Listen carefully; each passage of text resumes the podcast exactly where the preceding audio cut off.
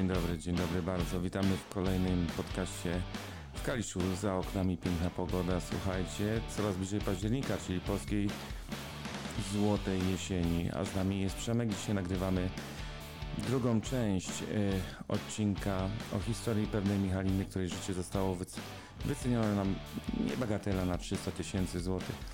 Przemek właśnie ścisza telefon, bo obawia się, żeby nie było dodatkowych sygnałów. Witamy drodzy słuchacze Was prosto z Kalisza, prosto z Fundacji Bread of Life, z ulicy Śródmiejskiej. Przemku, gotowy jesteś? Tak, tak, tak, możemy zaczynać. No możemy zaczynać.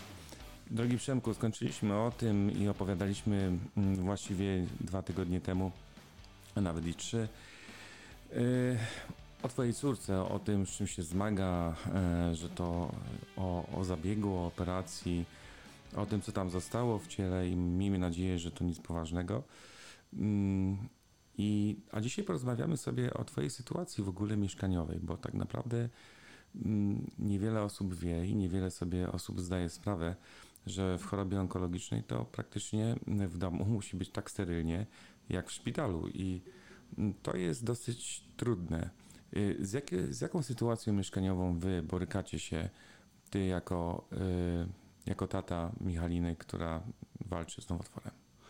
No, mieszkam na Płaskiego i razem z Michaliną i, i tutaj jest taka sytuacja, że po prostu no, w zrzeszeniu, jak to w zrzeszeniu bywa w prywatnym, no to mają człowieka praktycznie gdzieś, żeby dawał pieniążki i no po prostu puścili gołębie, go, gołębie puścili na poddasze i no po prostu no, tam się nie da mieszkać z, z chorą córeczką, jeżeli chodzi o, o, o warunki.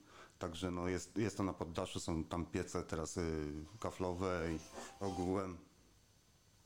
Także no naprawdę nie, nie jest łatwa sytuacja tutaj mieszkaniowa, nie?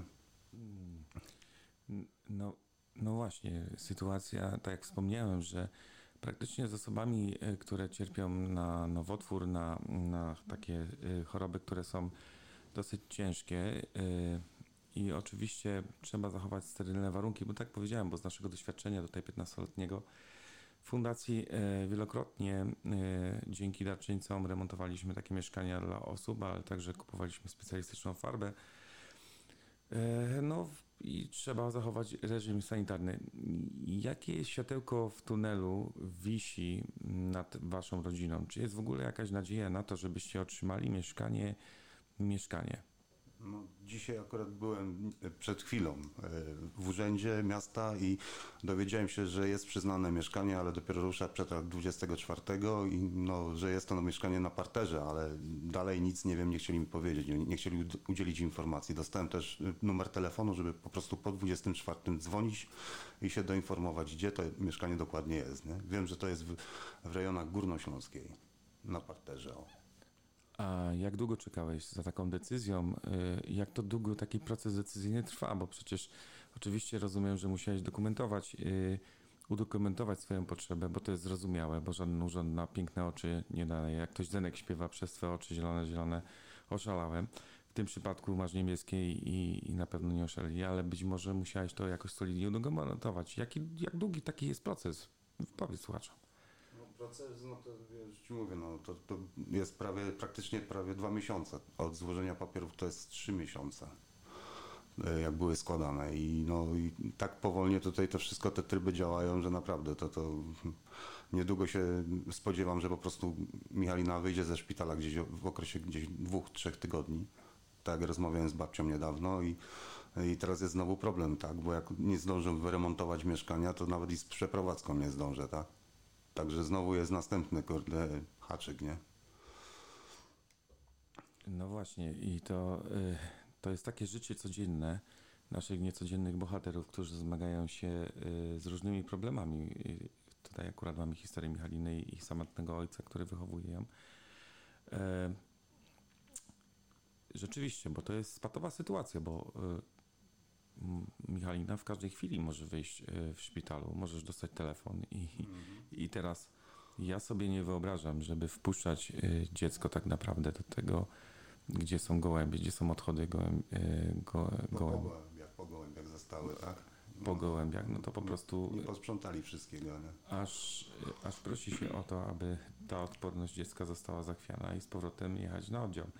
Drodzy Państwo, wbrew pozorom to, to tak się mówi, że ptaki są piękne, gołębie są piękne. Oczywiście są, ale pamiętajcie, jak Wam się zachęgną na strychu albo gdzieś, to jest po prostu trudny orzech, to jest trudny orzech do zgryzienia. Yy, Przemek, powiedz nam, czego Ty oczekujesz tak naprawdę, czego Ty byś się spodziewał, yy, żeby Twoja sprawa została przyspieszona, czy od władz miasta, czy jak to jest? No, ja bym chciał, żeby po prostu był no, jak najszybciej, żeby był ten termin, żebym po prostu zdążył się z przeprowadzką, zdążyć przeprowadzić po prostu już na nowe mieszkanie, żeby Michalina już miała po prostu warunki, tak? Żeby się nie borykać z następnymi problemami, gdzie z dzieckiem, kurde, tego i, i kombinacje, tak, alpejskie, nie? Gdzie sterylne warunki uciec z, dzie- z dziewczynką, która po prostu ma i tak już obniżoną odporność i ta odporność będzie skakała. A przed nami też taki okres, który jest no, przy jesienno-zimowy i to po prostu to też się aż prosi o czasami o chorobę. Y, Mam nadzieję, mam nadzieję, że słuchacie nas i wierzę w to, że słuchacie nas, bo kiedy patrzymy na odsłony, to coraz więcej nas słuchacie. I ta druga część podcastu uświadomi wam, nam, słuchaczom, że takich ludzi w Kaliszu jak Przemek jest wiele, a jak jest bardzo dużo.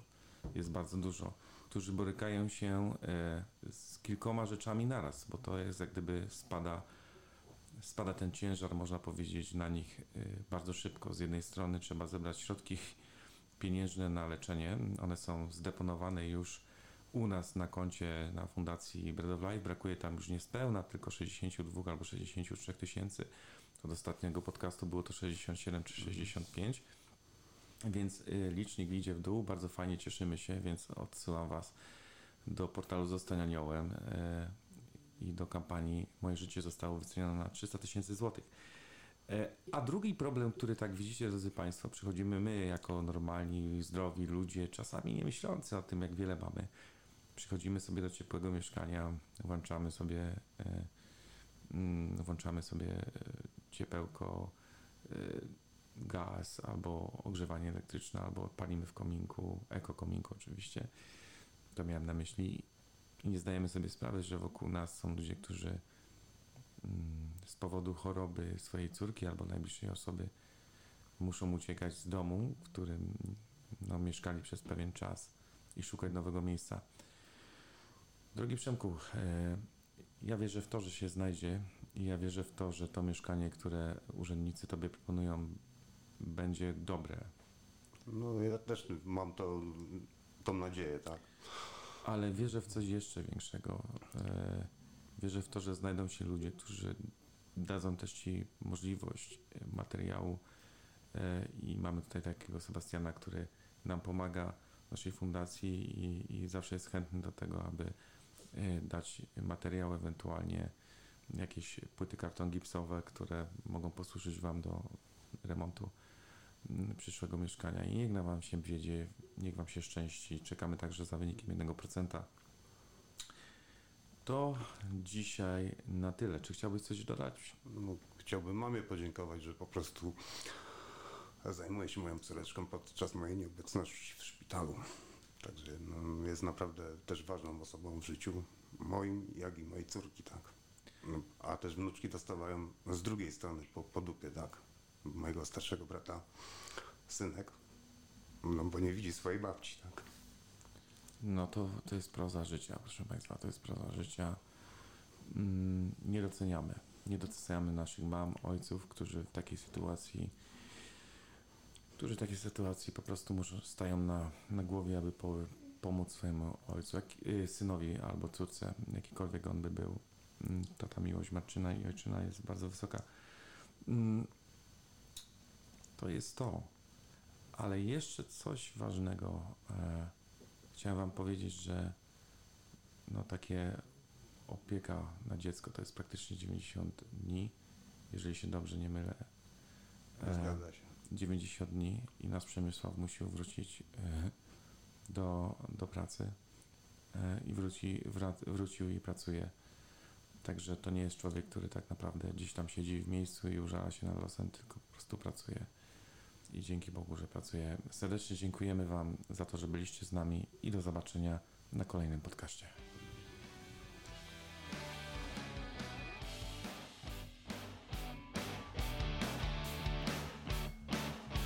A na kolejnym podcaście będziemy rozmawiali jak zawiesić raka na haka oraz o tym, że warto jeszcze czasami chłopy i baby przebadać. Do zobaczenia i do usłyszenia.